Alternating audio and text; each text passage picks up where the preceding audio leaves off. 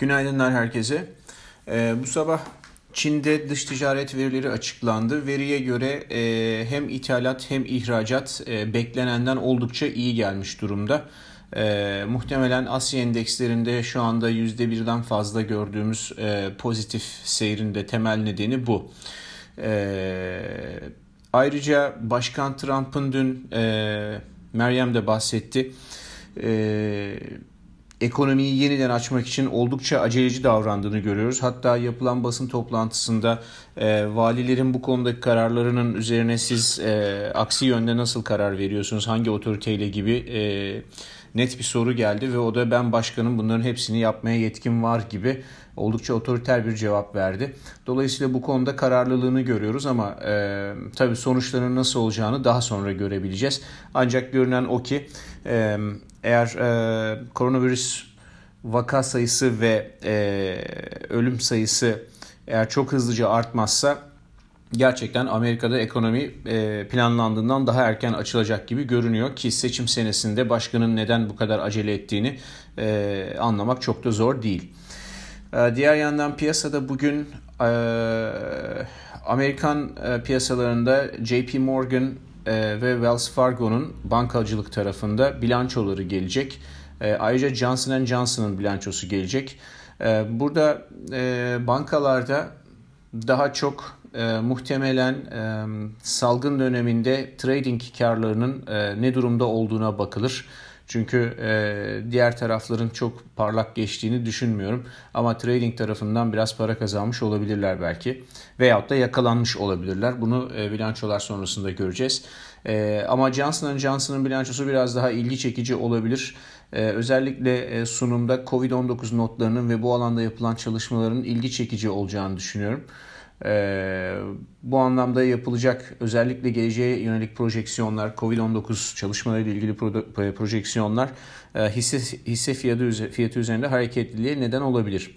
Şimdi normal zamanlarda bilanço döneminde e, bilançosunun ilgili hissinin bilançosunun gelmesinden 3 gün 5 gün 1 hafta öncesinde minimum e, bazı opsiyon stratejilerini önerirdik. Mesela long straddle veya long strangle gibi aslında e, aynı miktarda call ve put opsiyonunun ya aynı strike'tan ya da cari fiyattan aynı uzaklıkta yukarıda ve aşağıdaki e, aşağıdaki seviyelerden call ve put opsiyon alımlarını önerirdik. Böylece artan volatilitede e, bilanço açıklaması nedeniyle artan volatilitede bu stratejilerin kar etmesi beklenirdi.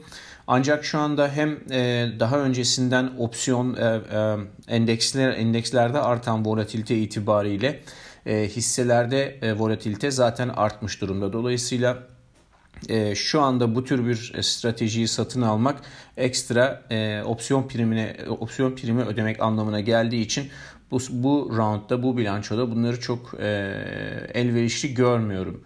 O yüzden e, bilançoyu trade etmek isteyenlerin bilanço açıklama zamanlarında ekran başında olup haber gelir gelmez e, ya haberi yakalamaya çalışmaları veyahut da e, ilk ilk e, fiyat reaksiyonu gerçekleştikten sonra gerekli gördükleri hareketleri yapmalarını daha çok öneririm. Ayrıca son olarak bu bilanço tarafında dün JP Morgan ve Wells Fargo bilanço öncesinde sırasıyla %4.4 ve %5.3 satıcılık kapalı, kapanış yaptı. E, bir de Amazon'dan bir şirket haberi söyleyeyim. E, online siparişleri karşılamak üzere 75 e, bin kişi, kişi işe alacağını açıkladı. Bununla birlikte %6.2 yükseliş kaydetti Amazon hissesi.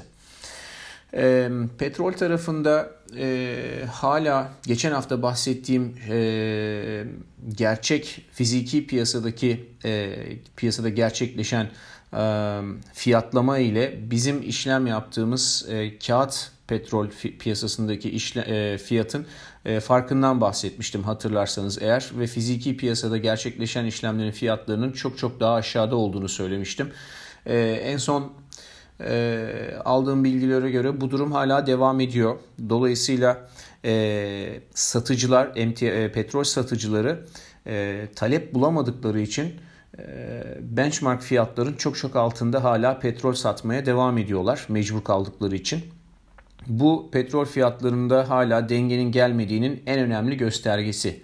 E, yani bizim piyasalardaki fiyatlamadan ziyade e, en önemli gösterge gerçek e, fiziki emtia piyasasındaki fiyatlama. Dolayısıyla burası bize diyor ki hala burada e, ciddi bir e, talep fazlası e, özür dilerim e, talep daralması problemi var ve arz fazlası var diyor.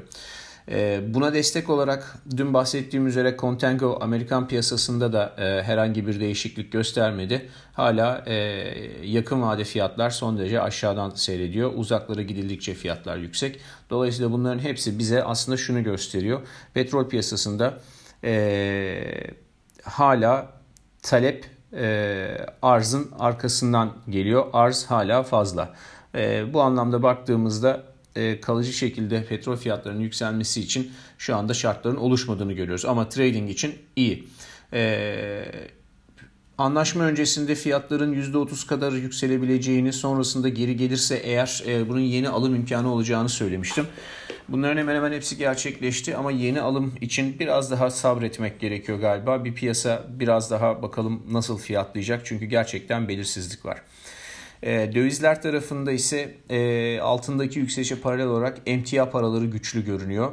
E, Avustralya doları özellikle bunlardan bir tanesi. Geçen hafta salı sunumunda e, bahsetmiştim bu, bu e, paritenin Avustralya doları Amerikan doları paritesinin yukarı gitme olasılığından. Hedefine doğru gidiyor. E, diğer yandan e, petrolle ilgili olarak Kanada doları ve e, Norveç koronasına baktığımızda bunların dünkü ufak geri çekilme haricinde bunlar da gücünü koruyor. Demek ki orada hala e, petrol piyasasında biraz umut görüyorlar gibi düşünüyorum. E, diğer yandan dolar endeksine baktığımızda sıkışıklık iyice azalmaya başladı. Bu anlamda e, majör paritelerden euro ve sterlinin de dolara karşı biraz daha değer kazanmaya devam etmesini bekliyorum. E, bu anlamda bir aylık delta e, risk reversal grafiklerine baktığımızda e, euro ve GBP için ikisi de dolara karşı yükselişin devamını fiyatlıyor. E, yurt dışı tarafta da bu kadar. Herkese iyi seanslar.